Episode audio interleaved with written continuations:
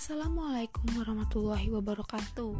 Di sini saya Hana Siti Nurmala akan menyampaikan mengenai analisis artikel saya yang sudah saya Assalamualaikum warahmatullahi wabarakatuh.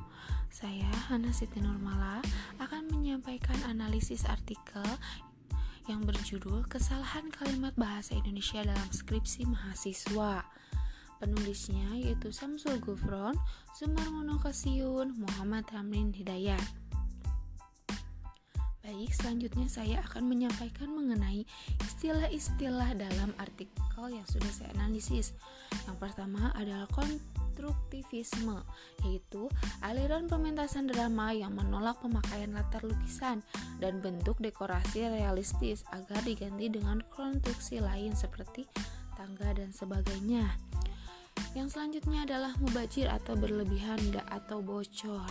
Yang selanjutnya eksperimen, percobaan yang bersisten dan berencana. Yang selanjutnya optimal terbalik. Yang selanjutnya logis sesuai dengan logika atau masuk akal. Yang selanjutnya kompetensi atau kemampuan. Yang selanjutnya ada intensif, sungguh-sungguh atau terus-menerus. Yang selanjutnya substansi, isi, pokok, dan inti. Yang selanjutnya adalah Civitas Akademik, kelompok masyarakat akademik yang terdiri atas dosen dan mahasiswa dengan perwakilannya yang terbentuk melalui senat masing-masing. Yang selanjutnya ada mengklarifikasi atau menggolong-golongkan.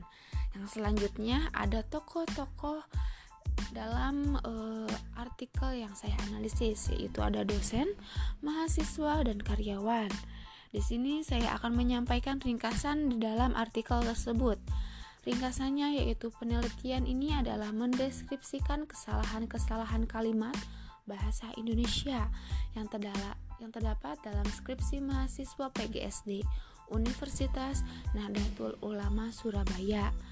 Penelitian ini menggunakan pendekatan kualitatif yang bersifat deskriptif Sumber data penelitian ini adalah tiga skripsi mahasiswa PGSD Un UNUSA yang diursirkan tahun 2019.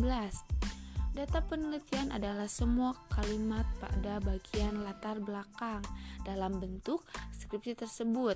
Data dikumpulkan dengan teknik dokumentasi, teknik simak, dan teknik catat menggunakan instrumen berupa lembar korup data.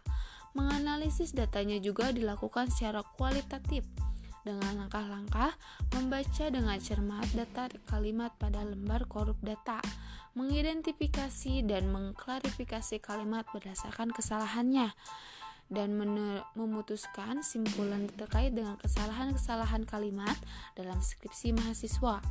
Yang selanjutnya ada ulasan.